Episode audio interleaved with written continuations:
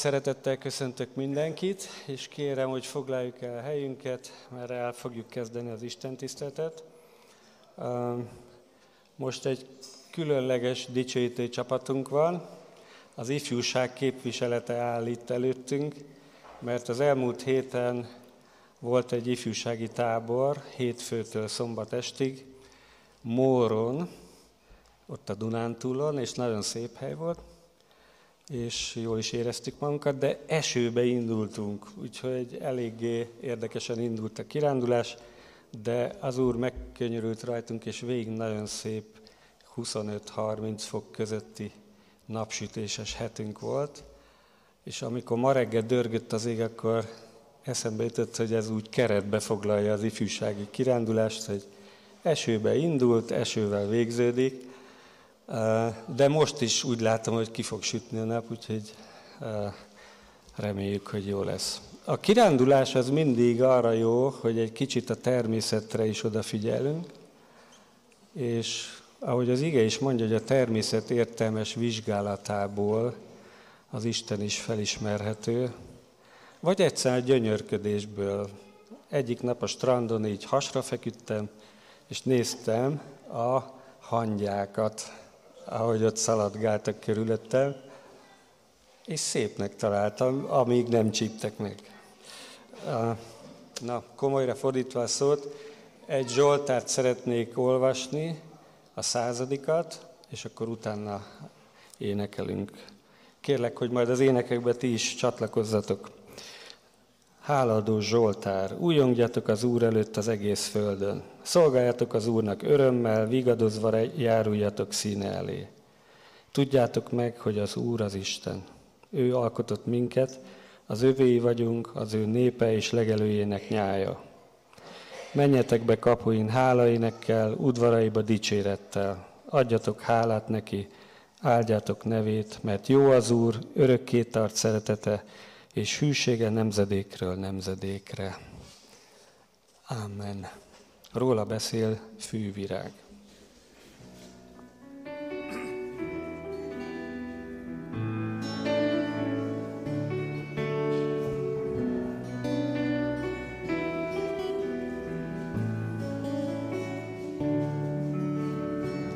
Róla beszél macsírták, ügyező és lombos fák, simogató szín, énekel a tarkarék, patak folyó vízesés, napsütéses kékül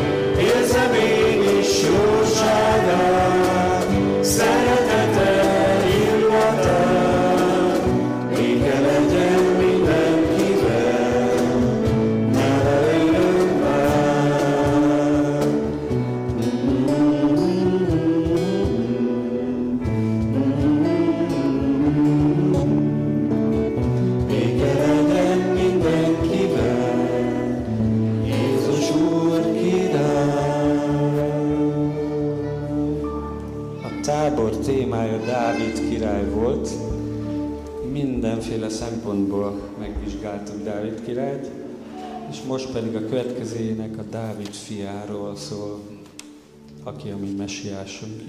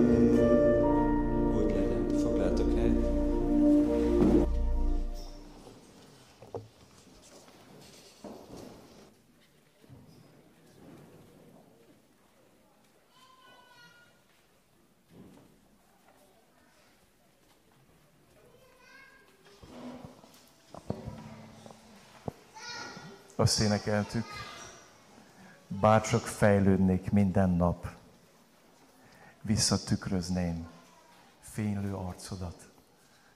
Ma egy hete arról szóltam, hogy az örökké valóság célja, a megváltás célja, hogy Krisztusra hasonlítsunk, és ez egy folyamat, ami az újjászületésünkkel kezdődik el, amikor megszületünk Isten számára. Elkezd megragyogni az életünkön Krisztus, és a mennyország az csak habatortán, hogy egyszer meglátjuk őt színről színre, találkozunk vele. De azért vagyunk itt a Földön, és azért dolgozik rajtunk Isten, hogy egyre jobban ragyogjon rajtunk Krisztus.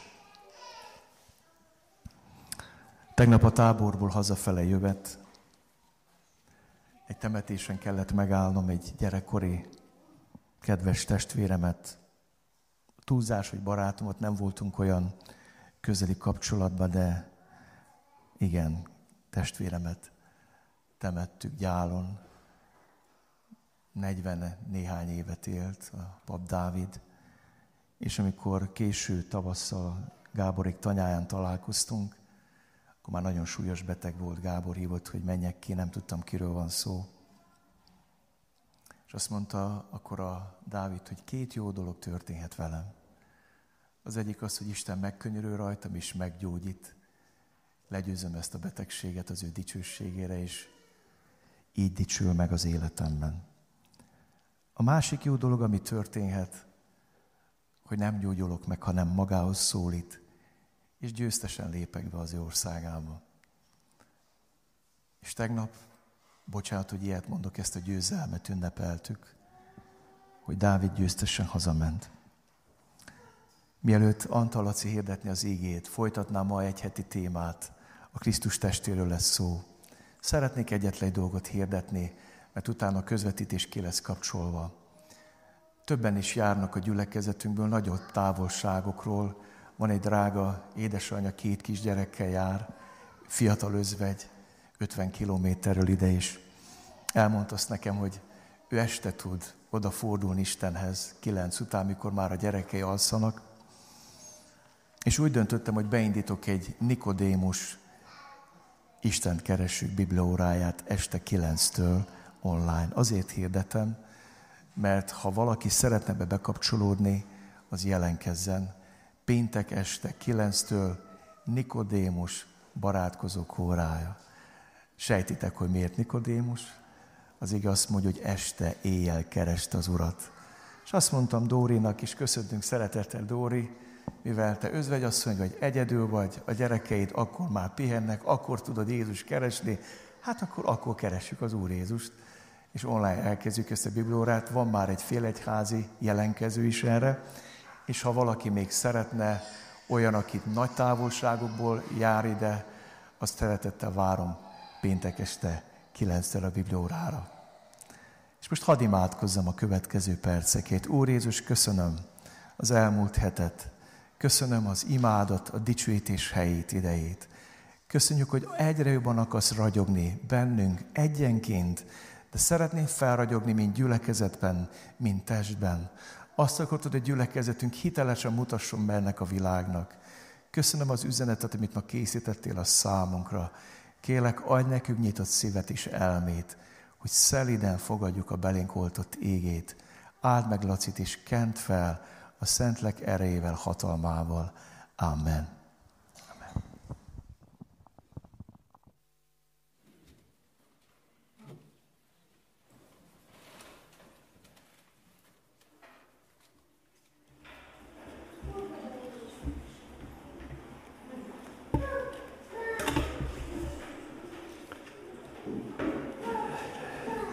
Jézus Krisztus szeretetével köszöntelek benneteket. Ma reggel az egyik lányom megkínált kávéval olyan kedves volt, köszönettel elfogadtam, és megígértem neki, hogy amiért ilyen kedves volt, ezért egy percet csökkentek a prédikáció hosszán. Mire ő megkérdezte, hogy kérek-e még kávét. Hát semmi jót nem ígérhetek, mert Sámuel, nehéz terhetettél rám. Isten megtapasztalása sorozatában vagyunk, és arról tanulmányoztuk az igét heteken át, hogy hogyan szólít, hogyan szólíthat Isten engem és téged az imádságban, az igében, az ige által, és hogyan szólít a gyülekezetben, a gyülekezet által. És ehhez a Korintus levél 12. részét szeretném felolvasni, annak a negyedik versétől kezdődően a 28. verséig. Kérlek benneteket Isten igéje iránti tiszteletből fennállva hallgassátok Isten igéjét.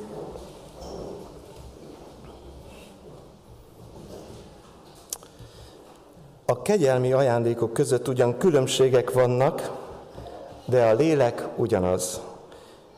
Különbségek vannak a szolgálatokban is, de az Úr ugyanaz.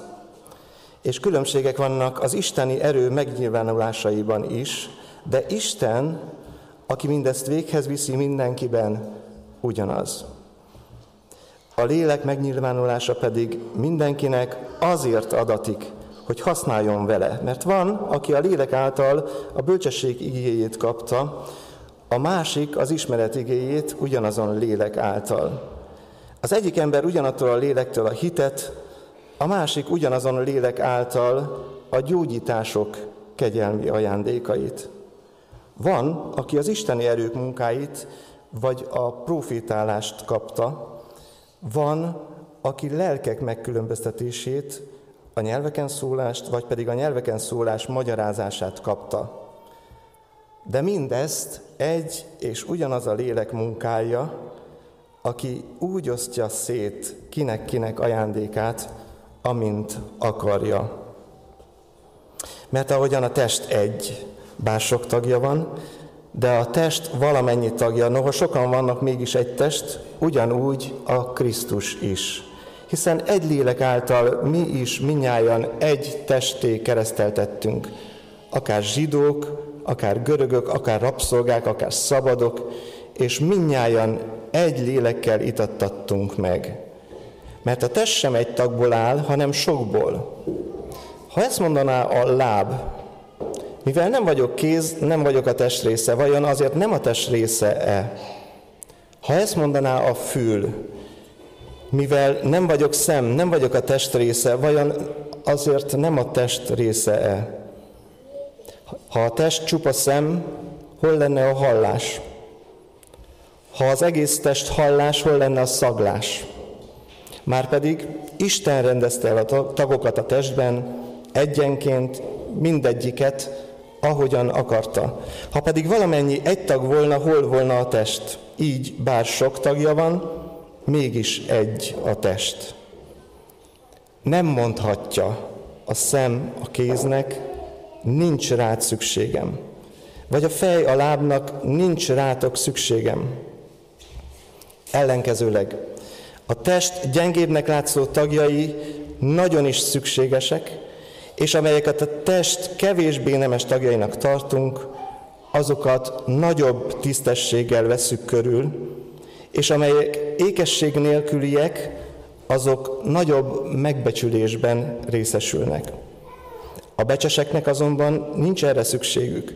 Isten szerkesztette így a testet egybe, az alacsonyabb rendűnek nagyobb tisztességet adva, hogy ne legyen meghasonlás a testben, hanem kölcsönösen gondoskodjanak egymásról a tagok. És így, ha szenved az egyik tag, vele együtt szenved valamennyi. Ha dicsőségben részesül az egyik tag, vele együtt örül valamennyi. Ti pedig Krisztus teste vagytok, és egyenként annak tagjai. Ezek közül pedig némelyeket először apostolokká tett az Isten az egyházban, másodszor profétákká, harmadszor tanítókká, azután adott csodatevő erőket, kegyelmi ajándékokat, gyógyításra, gyámolításra, vezetésre, nyelveken szólásra.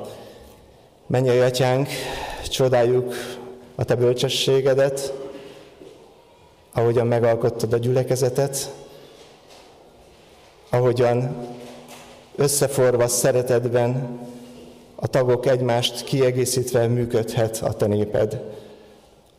Úr Jézus azt mondta, arról ismer meg bennünket a világ, ha szeretni fogjuk egymást. Kérjük a te szent szellemedet, hogy áraszt ki ránk, hogy megismerjen a világ, hogy szeretjük egymást azáltal, hogy téged szeretünk. Köszönjük, hogy ilyen nagy lehetőségünk van, magasztalunk téged ezért. Amen. Foglaljatok helyet.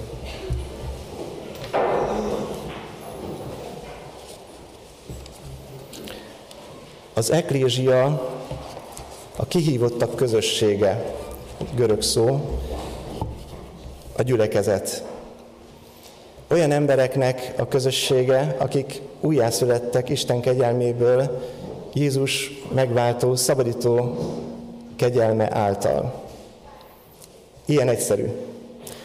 Ha valakit Isten megszólít, és ő igen mond a válaszára, Isten újjászüli, és már is ott találja magát a nagy Krisztus testbe, a valaha élt emberek újjászületettek közösségében, amelynek a feje Krisztus. Azonban ennek a valaha élt emberek összes közösségének tagjaként egy helyi gyülekezetnek a tagjai is vagyunk. És a földrajzi elosztás, eloszlás szerint is különféle gyülekezeteknek vagyunk a tagjai. Emlékszem arra, hogy az életem eddigi szakaszában öt gyülekezetben élhettem. Ebből kettő gyülekezet, bocsánat, három gyülekezet olyan volt, ahol éltem és szolgáltam, nem, mégiscsak jól mondtam, kettő gyülekezet, tehát egyikben gyermekként nevelkedtem föl, a másikban ö, ö, tanulmányaim során oda jártam, de nem voltam tagjai azoknak a gyülekezeteknek, és három gyü- olyan gyülekezet volt, amelynek tagja is lehettem, tehát a megtérésem után a gyülekezet elkötelezett tagjaként élhettem az életemet. Egy kis emlékezésre hívlak benneteket, gondoljatok vissza az életetekre, és hogyha tartoztatok már gyülekezethez, akkor számoljátok össze, hány gyülekezetnek voltatok tagjai, újjászületett keresztényként, megtért szolgáló tagként. Hány gyülekezet életében vehettetek részt? Én elárultam nektek, hogy én három ilyen gyülekezetben voltam, és hadd kérjem azokat, akiknek ez az első gyülekezetük, vagy egy gyülekezetnek voltak a tagjai, hogy emeljétek fel a kezeteket, akik életükben. Igen, jelentősen számban vagytok, köszönöm szépen. És nézzük azokat, akik két gyülekezetnek voltak tagjai. Ó, ti is, nagyon sok kéz felemelkedett. A három gyülekezetesek következnek. Kicsit csökken a szám, de vagyunk jó néhányan. Négy gyülekezetesek, igen. Itt már egész kevés. Egy kezemen meg tudom számolni a jelenkezéseket. Öt gyülekezetnek esetleg. Hát akkor Sámuel, van, van egy, köszönöm. Szerintem Sámuel egyedül maradt el ötnél több. Lelkipásztorok sorsa, hogy sok gyülekezetben vesznek részt tagként. Igen, tehát ez is kifejezi, már az életünk folyamán is, hogy a Krisztus testének tagjai vagyunk, de különböző közösségekben vagyunk tagjai a Krisztus testének. A korintusi levél erről az utóbbiról szól. Konkrétan a korintusi gyülekezetről. Tehát nem a nagy Krisztus testről, bár nyilvánvalóan utal arra is Pál, de különösen amit most felolvastunk, a helyi gyülekezet jó rendjét, működését mutatja be. Sőt, hogyha összefüggésében nézzük, hoppá, valamit kikapcsoltam, jó, meg, megtörtént a helyes gomb megnyomása. Ha összességében nézzük, akkor, akkor egy folyamatot látunk, ahogy Pál elénk tárja ennek a helyi gyülekezetnek a működési rendjét. Az 1 Korintus 12-ben, amit most olvastunk fel, arról olvasunk, hogy a gyülekezet a kegyelmi ajándékok működése által működik, és ezáltal szólít meg Isten embereket, hogy működnek a kegyelmi ajándékok. Erre fogunk majd részletesen visszatérni. De Pál azt mondja, ez egy Korintus 12 végén, hogy ez nagyon fontos, de mutatok azért nektek egy kiváltképpen való utat, ez pedig a szeretet útja. Mert a gyülekezet, mint mennyei testület, Krisztus teste, de mint földi közösség, ez egy szeretet kapcsolaton alapuló önkéntes közösség. És Pál úgy, úgy, úgy beszél a szeretetről, a világirodalom és a Biblia legszebb himnuszában, az 1 Korintus 13-ban, mint ami, ami nélkül nincs értelme az életünknek, és nincs értelme a közösségi életünknek. És ezt soha ne felejtjétek, és ne felejtjük, hogy a szeretet az, amely kötőanyag a szívünkben, az életünkben, a gyülekezetünkben. Ez a szeretet kapcsolat a Krisztus testének a fő jellemzője. Már idéztem az imádságomban az igét, Jézus azt mondja, arról ismer majd meg benneteket a világ, hogy egymást szeretni fogják. Szeretjük egymást úgy, ahogy Krisztus szeretett bennünket? A sanszunk megvan rá, a lehetőségünk megvan rá. Jézus Krisztus elfogadott bennünket, az ő szeretetébe vont bennünket. És a harmadik ö, nagy témakör a 14. részben tárul elénk, ami az isteni kijelentéseknek a, a fontosságát hangsúlyozza. Tehát azt mondja Pál, hogy a helyi gyülekezet akkor működik jól, akkor tud Isten megszólítani téged, hogyha a gyülekezetben vannak kegyelmi ajándékok, a gyülekezet szeretetteljes, szeretett közösségként működik, és vannak isteni kijelentések a gyülekezetben. Ekkor szól Isten a gyülekezeten keresztül hozzád, és a szeretet útján azokhoz is, akik még nem ismerik Istent. Emlékszem, mikor a, az említett három gyülekezetből a másodikhoz csatlakoztam, akkor a pásztor azt mondta nekem, annyi szeretetet fogsz kapni a gyülekezetben, amennyit hozol. Nagyon meglepődtem ezen a mondaton, hogy Nekem is kell tenni érte, hát oda megyek, aztán szeressenek, kész. Arra is rájöttem, hogy, hogy nem pontosan fogalmazott a pás, nem, nem, nem azt akarom mondani, hogy nem mondott igazat, nem pontosan, sokkal több szeretetet kaptam, mint amennyit vittem. És ez a gyülekezet igazi ereje.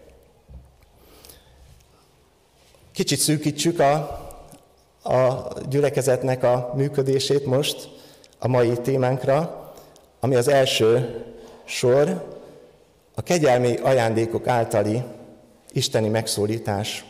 Hogyan teszi ezt Isten? És hát otthon majd házi feladatként gondolkozhattok a szeretet általi megszólításról, és az isteni kijelentés vagy a proféciák általi megszólításról. Arról most nem beszélünk, mert akkor még a vacsorát se érnénk el otthon, azt hiszem. Tehát a kegyelmi ajándékok által szól Isten.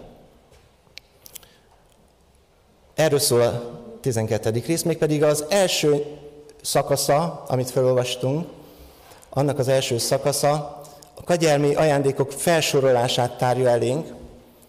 A második szakasza elmondja nekünk, hogy hogyan működik helyesen, mit is jelent az, hogy ha vannak ajándékaink, képességeink, sok minden más, az hogyan tapasztalható a gyülekezetben.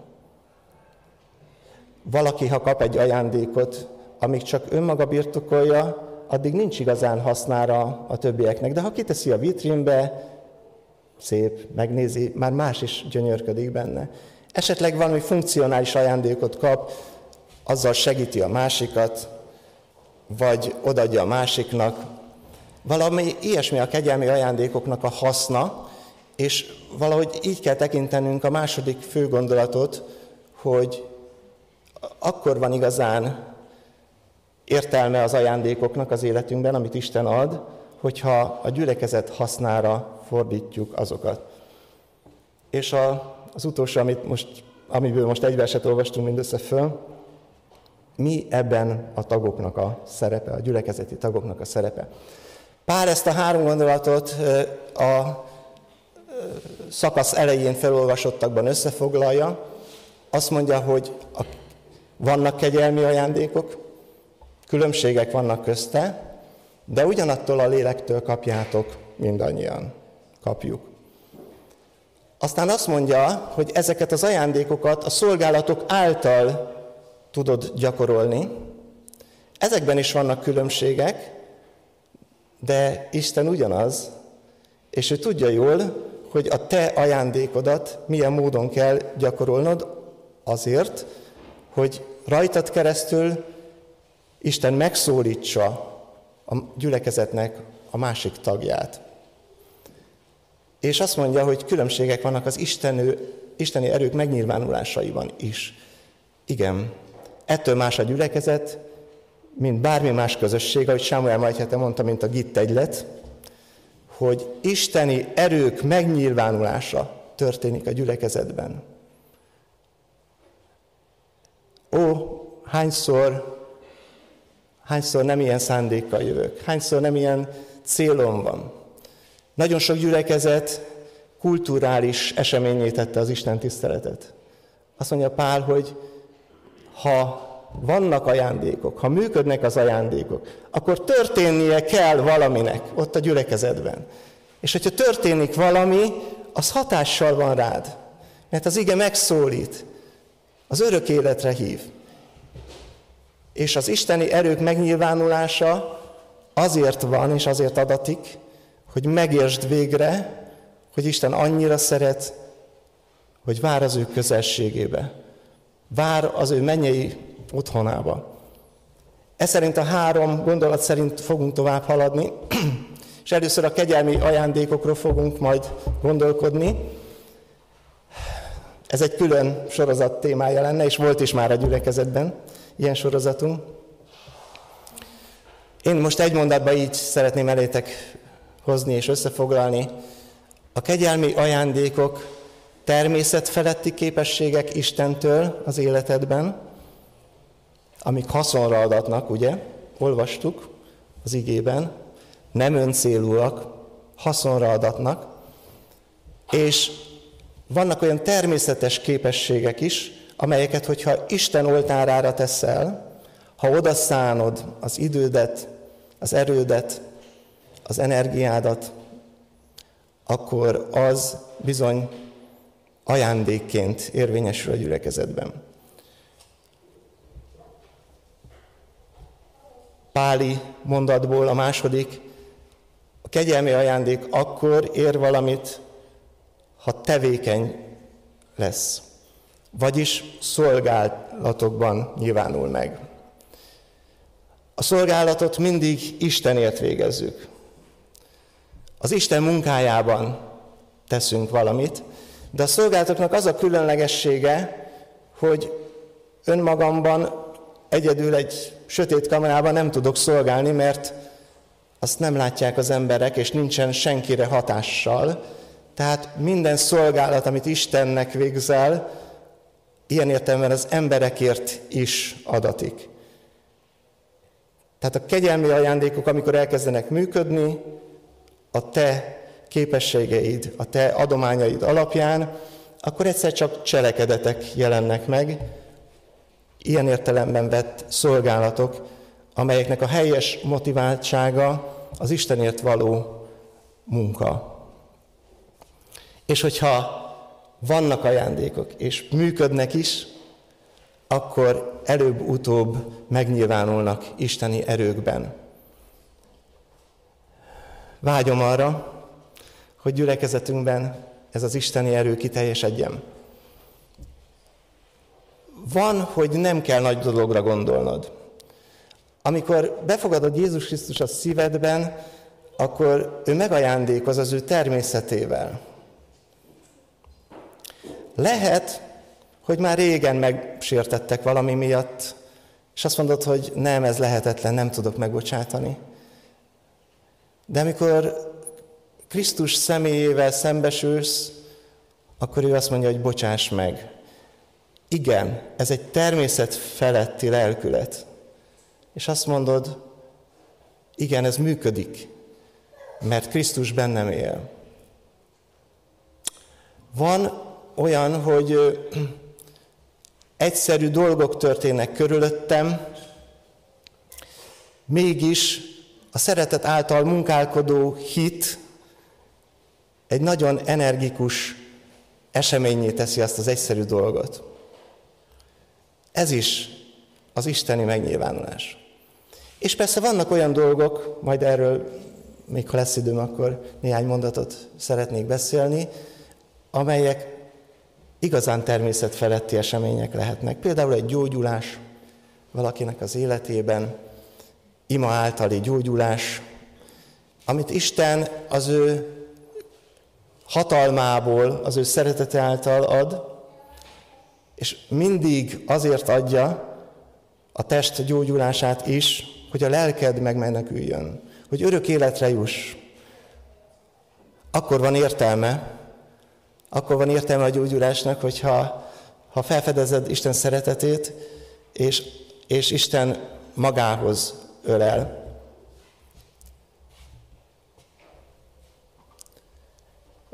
A kegyelmi ajándékokat nézzük meg egy picit részletesen.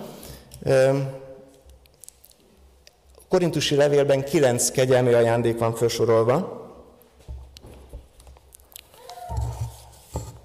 Ennél több van, tudjuk, a Biblia más helyén is tapasztaljuk ezt, és olvassuk ezeket, és hitem szerint vannak olyan kegyelmi ajándékok is, amelyek a Bibliában nem jelennek meg. A felsorolt igében az első ilyen ajándék, amit említ, talán túl apró a szöveg, aki látja, örüljön, hogy el tudja olvasni, aki nem, az figyeljen.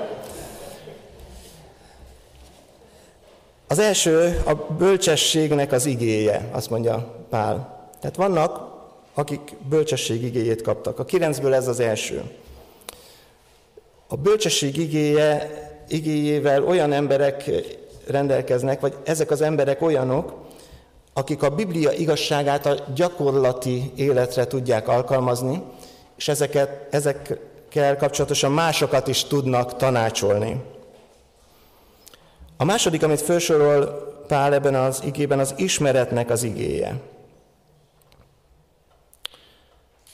Az ismeretre vágyó ember mindig mélyebbre ássa magát egy témában, és nem öncélúan teszi ezt, hanem amikor mélyebbre jut, és nem elégszik meg a felszínes válaszokkal, akkor ezt a mélységet megosztja másokkal, ettől, ettől működik az ajándék. Tehát az ismeret beszéde, az ismeret igéje azáltal lép működésbe, hogy nem csak eljutok egy mélységre, egy hitbeli igazság felismerésében, hanem megosztom azt mások, másokkal.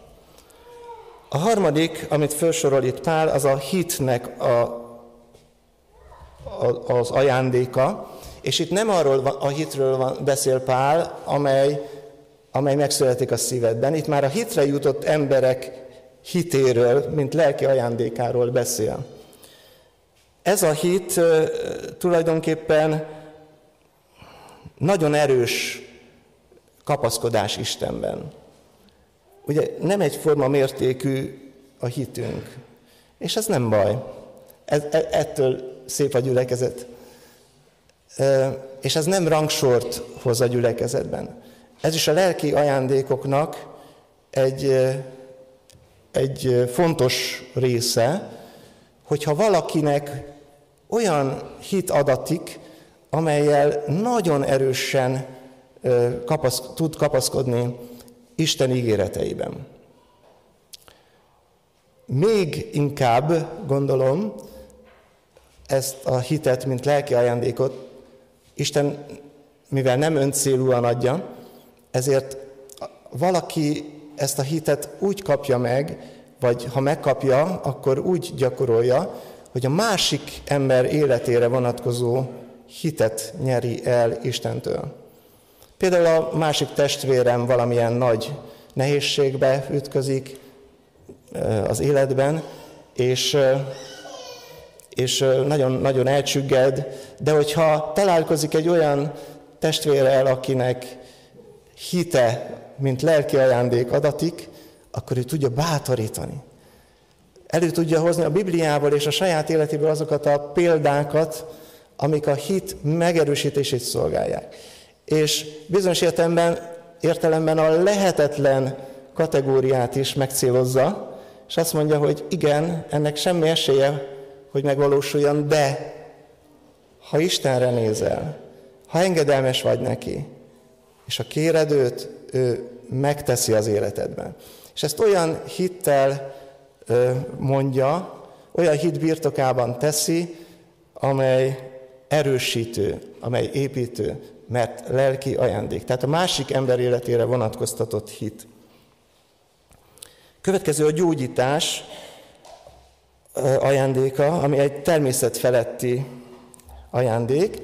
Minden tiszteletünk a szakmáké, és a, ez esetben az orvostudományé.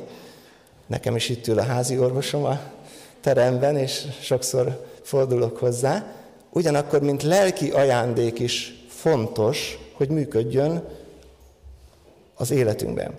Ahogy utaltam már erre néhány mondattal ezelőtt, hogy Isten a testnek a gyógyulását a lélek gyógyulásáért adja. Emlékeztek arra a történetre, amikor egy béna embert visznek a tanítványok Jézushoz, leengedik a mennyezeten keresztül, Jézus meggyógyítja, és azt mondja neki, hogy állj fel, megbocsátattak a te bűneid. És a körülötte lévők megbotránkoznak, és azt nem ezért hozták ide. Azért hozták föl ide, hogy, hogy, hogy, hogy járjon, és erre azt mondja Jézus, hogy de hogy megtudjátok, hogy van hatalmam ezt mondani, hogy megbocsátattak a bűneid, ezért azt is mondom, hogy jár föl, kelj fel és járj. És felállt a béna, és járt. Mit gondoltak, melyik volt fontosabb mondata Jézusnak? Megbocsátattak a bűneid, örök életed van, velem leszel a paradicsomban, vagy az, hogy kapsz még egy kis sanszot, egy kis lehetőséget ebben az életben, én azt hiszem, hogy mind a kettő fontos volt, de a leginkább, leglényegesebb dolog a földi élet utáni szellemi életünkre vonatkozó mondat volt, amit Jézus ad. És a gyógyítás ajándéka, ha történik, azért történik, és azért történhet, hogy Isten valami jobbat adjon neked. Hogy adjon még esélyt a kegyelmi idő meghosszabbításával, a te életedre nézve. Az isteni erők megnyilvánulása alatt én valami olyasmit értek, hogy az Isten erejének a megtapasztalása fontos az életemben. Ó, mennyi ember van, aki, aki keresi Istent, és nagyon mély pontra jut az életébe. Egy sóvárgás van az életébe. És mennyire kellenek az olyan emberek, akik az Isten erejét tudják továbbadni hogy ez egy nem egy tan, és főleg nem egy mese, amit hirdetünk. Ez az életre való, a kegyességre való, mondja Pál.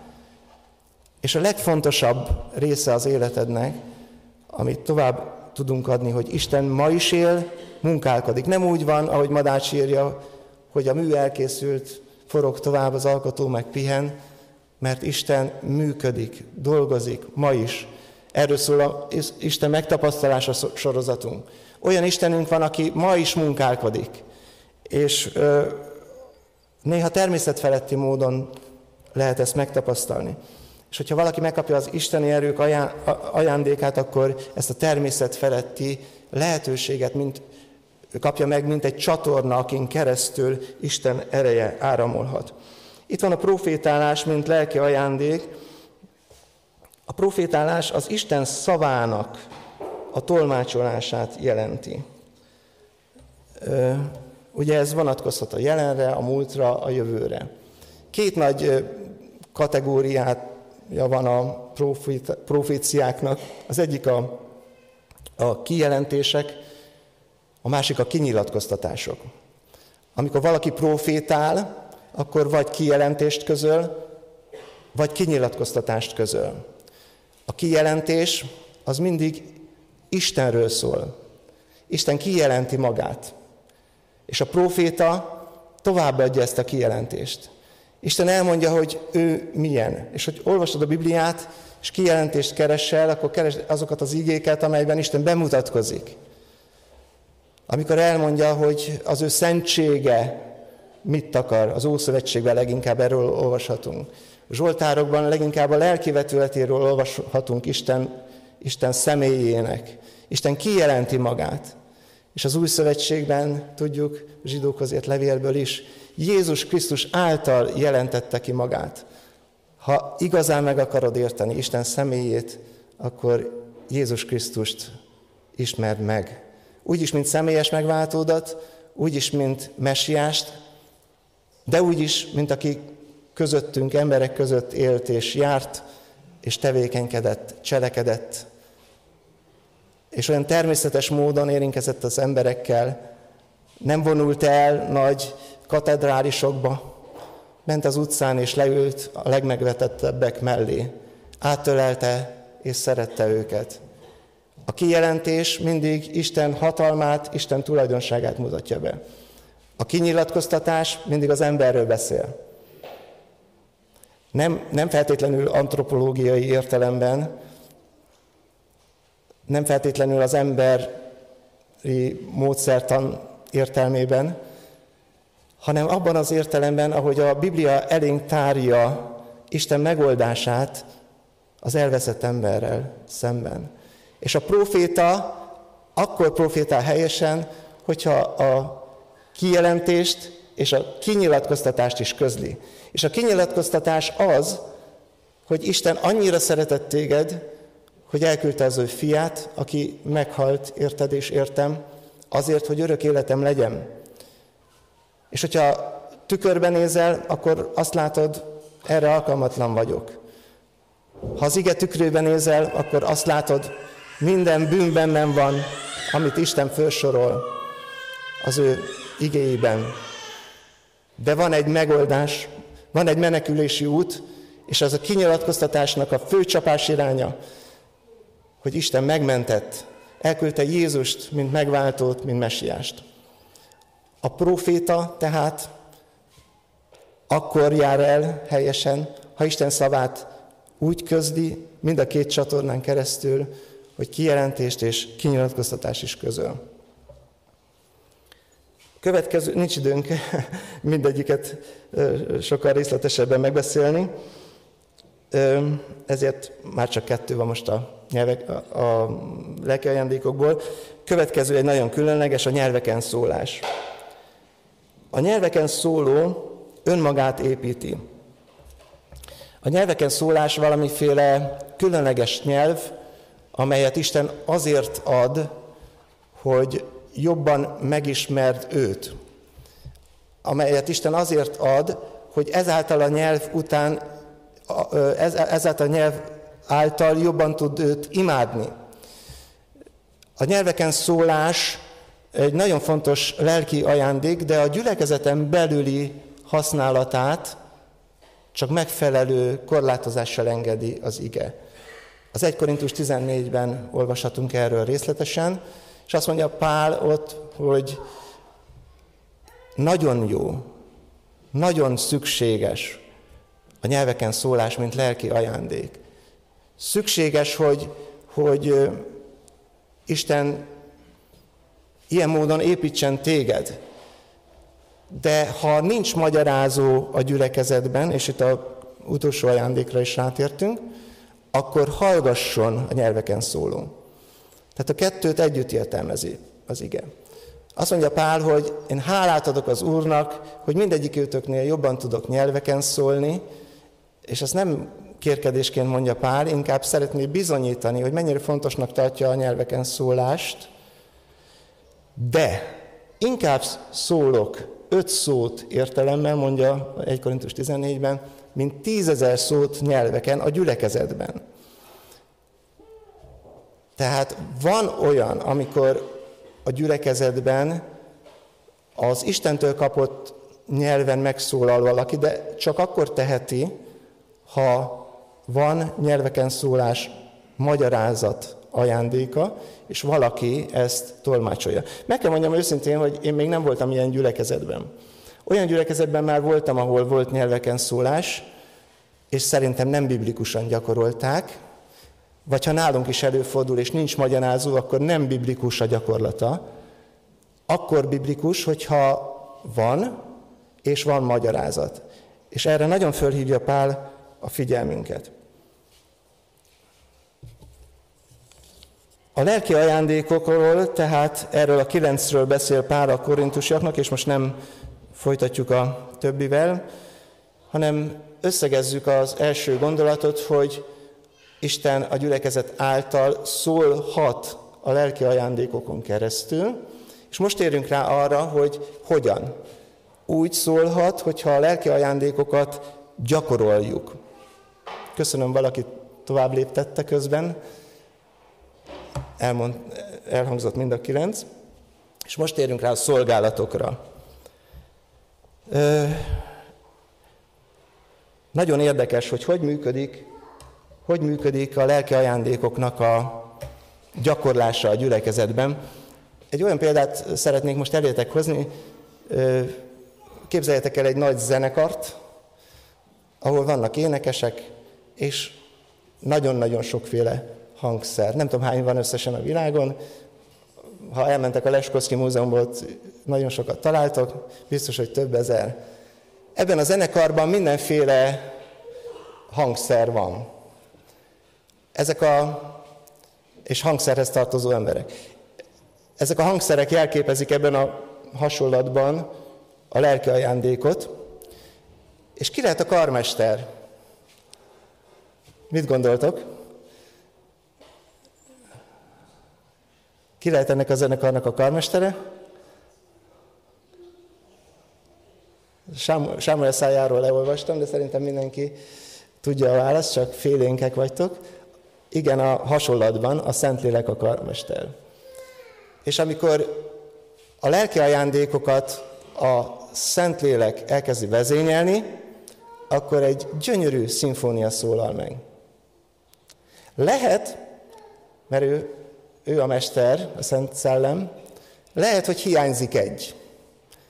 Akkor vesz egyet a raktáról, és odadja annak, akinek akarja. És már is szebb a hangzás. Lehet, hogy ott van egy a másiknál, de nem szólal meg. Hát nem a fejére koppant, hanem megkéri, hogy szólaltassa meg azt a hangszert. Érthető ez a példa? Nem bonyolult. És azért is találtam ki, mert hogy Rivis Laci is értse ennek a jelentőségét. De, de elmondom nektek, hogy Pálapostán sokkal jobb hasonlatot talált ki. Ez pedig a testnek a hasonlata.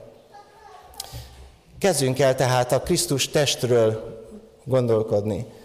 A testen belül hogyan működik a karizmáknak a rendszere. Először is nagyon fontos leszögeznünk, hogy egy lélek által adatik mindenkinek.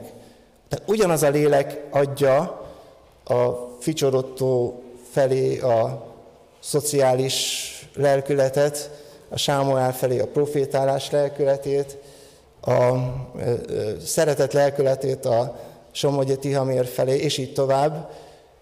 Ugyanaz a lélek, ugyanaz. És ez a csodálatos szimfónia akkor működik jól, hogyha mindenki a helyén van. És ez a test akkor működik jól, hogyha a lelki ajándékokat a Szent Szellem által vezérelve tudjuk ö, gyakorolni. Mert minnyáján egy lélekkel itattattunk meg. Azt is mondja Pál, hogy vigyázzatok. Figyeljetek csak egy picit. Nem mondhatja a szem a kéznek. És így tovább. Vagyis a szolgálatok, a lelki ajándékok gyakorlása akkor tud jól működni, hogyha van fogadófél.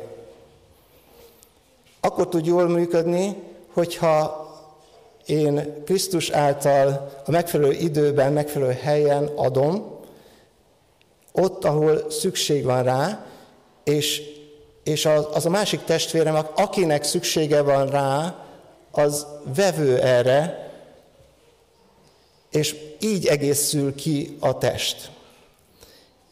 Én azt hiszem, hogy ezt különösebben nem kell magyarázni. Tehát a magyarázatommal már elrontom a Páli csodálatos példát, hogy egy test. Hogy az agy információt ad, ad a karnak, a lábnak, és ennek a testnek a feje az Isten, Jézus Krisztus, a Szent Szellem által vagyunk bekötve hozzá, és, és, és, és működünk, mint, mint, mint test. Erre van szükség. Azért nagyon fontos ezt megértenünk, mert Isten így tud szólni a gyülekezet által. És ennek a legfőbb mozgató ereje, hogy beszéltünk a Szentlélek, aki Jézus Krisztus szeretetén keresztül mozgat téged. Nem mint marionett bábut, ott van a lehetőséged, ott van a, az önkéntes vállalásod, ott van az odaszánásod, ott van a megszentelődésnek a lehetősége, hogy minél többet szállj oda az életedből Krisztusnak, és ha teszed, Isten ezt örömmel veszi. Elfogadja, és ezáltal épül a test. És tulajdonképpen a mai témánkhoz értünk, és talán ez a savaborsa a mai témánknak, hogy ez a test, a Krisztus test a helyi közösségekben, a helyi gyülekezetek tekintetében így tud Isten dicsőségére működni. Ahogy említettem, van egy harmadik dolog, tehát vannak kegyelmi ajándékok, vannak szolgálatok, mondja Pál, és vannak isteni erő megnyilvánulásai. Majdnem azt kell mondjam, hogy az első kettő hiába való a harmadik nélkül. De az a hitem, hogyha Istentől van lelke ajándékod, természetfeletti vagy természetes, és cselekszed a Szentlélek buzdítására, akkor elkerülhetetlenül megnyilvánulnak Isten erői a gyülekezet életében, a tagok életében. És azt mondja, hogy itt kell jól helyre állni. Mert a tagok kiválasztatnak egy-egy, egy-egy feladatra, kirendeltetnek.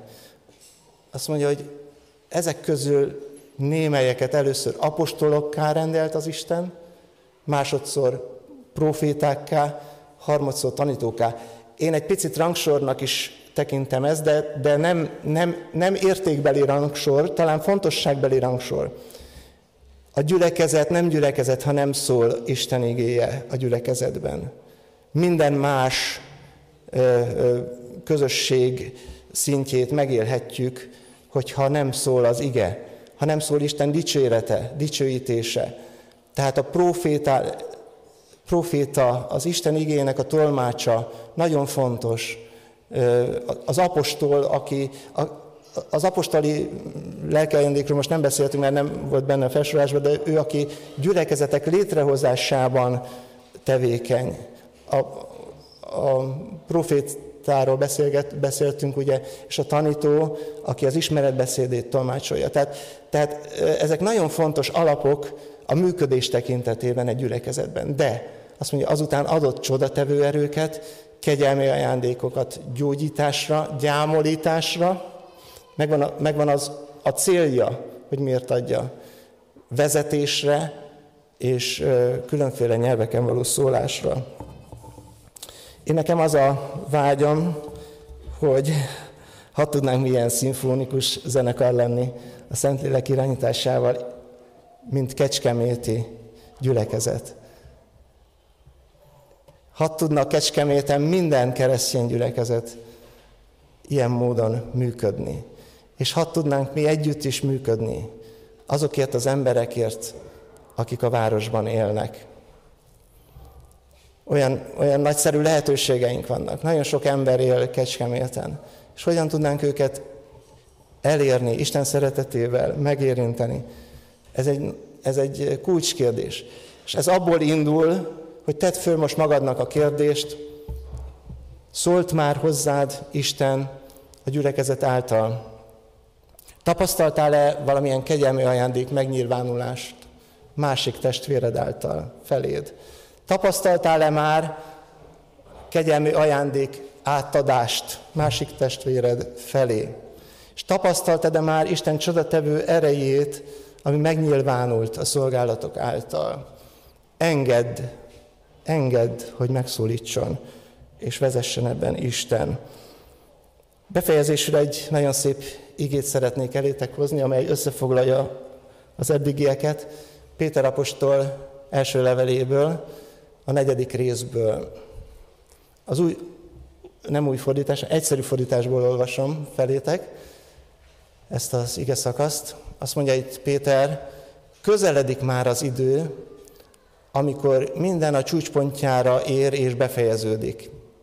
Igen, most a gyülekezet üsztöltenéti korszakában élünk, és a Bibliából úgy tudjuk, hogy ez az utolsó korszak, ennek úgy lesz vége, hogy Jézus visszajön majd, és utána az ítélet. Persze van még egy-két apróságot közben, amiről Pál beszél, de, de mindenképpen egy, egy, egy végidők egy részében élünk. Ennek megfelelően azt mondja Péter, legyetek józanok. Nagyon érdekes ez a, ez a felhívás.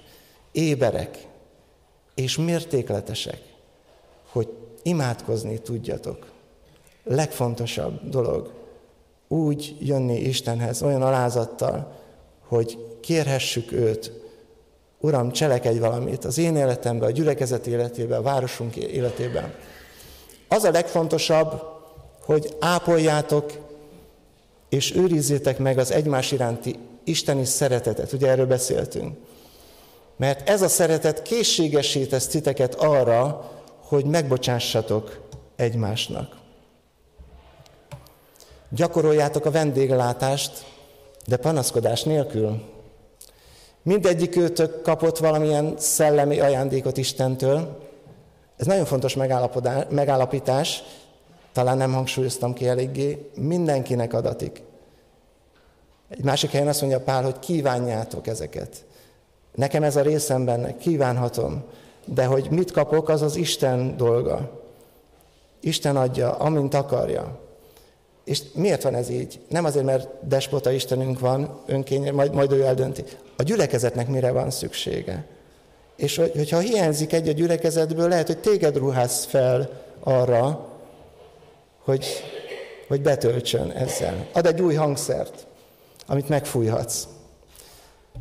Tehát Isten így osztogatja. Ezzel az ajándékkal szolgáljátok egymást, mint hűséges szolgák, akik Isten sokféle kegyelmével jól gazdálkodnak. Aki beszél, Isten szavait mondja, a, aki pedig szolgál, azzal az erővel szolgáljon, amelyet Isten ad, hogy ezáltal mindig Istené legyen a dicsőség, Jézus Krisztus által, mert ővé a dicsőség és a hatalom örökké. Ámen. Arra hívlak benneteket, hogy vigyük Isten elé, mint imádságot, az életünket. Hagyjuk meg a fejünket imára. Szeretnélek imádságban vezetni benneteket.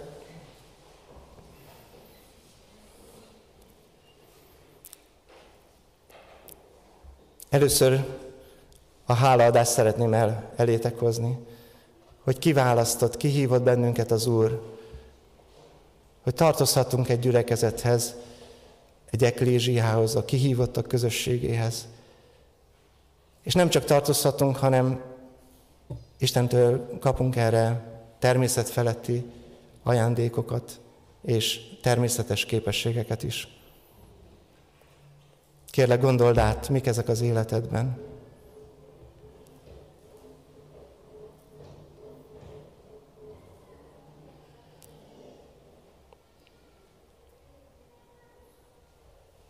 Szeretném, hogyha azt is átgondolnád, és Isten elét hoznád, hoznád hogy ezeket a, az ajándékokat, amiket Isten neked szánt, amelyek ott vannak az életedben, használod-e, és hogyan használod? Milyen a szolgálatod? És hogyha szolgálsz, akkor kinek adod a dicsőséget érte? Kit keresel meg?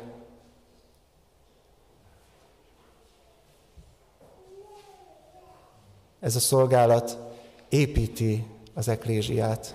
Ez a szolgálat erősíti a szeretet közösséget. Erre adatott. Gondolj a szolgálatodra, kérlek.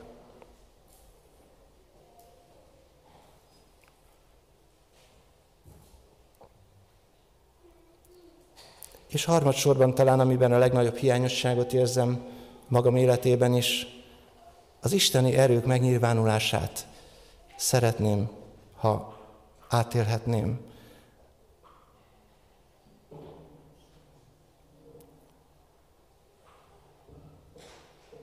Ó, Uram, sokszor tapasztaltam már, hogy ami emberi úton nem történhetett meg, a Te erőddel megtörtént.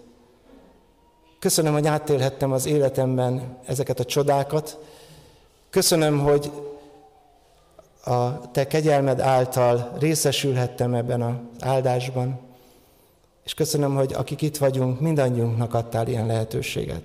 Most az a vágyunk, azért kérünk, Uram, hogy az isteni erők működését erősítsd fel bennünk. Arra kérünk, az a vágyunk, Uram, hogy, hogy hadd tudjunk mi részesei lenni a Te munkádnak, beállni abba, Uram, azokkal az ajándékokkal, amelyeket tőled kaptunk. Kérlek téged, Jézus, hogy a te dicsőségedre valósuljon meg az a gyülekezetünkben, és kérlek arra, hogy ha ezáltal te szólsz, szólítasz embereket, akkor meghallják és meghalljuk, és a szerint cselekedjünk. Köszönjük, hogy kegyelmes vagy, köszönjük, hogy ilyen nagy szeretete vagy hozzánk. Amen. Hogyha elmondtad ezt az imát, Isten komolyan vette, vette is komolyan. Gondold át az életedben ezeket a lehetőségeket. Most szeretnénk elköszönni az internet hallgatóitól. Azt kívánom nektek is, hogy ti is gondoljátok át azokat a lehetőségeket, azokat a kegyelmi ajándékokat, amelyeket Isten ad, és ha tartoztok gyülekezetbe, akkor ott gyakoroljátok, ha nem, akkor keresetek gyülekezetet, ahol gyakorolhatjátok, és Istennek adjátok érte a hálát és a dicsőséget.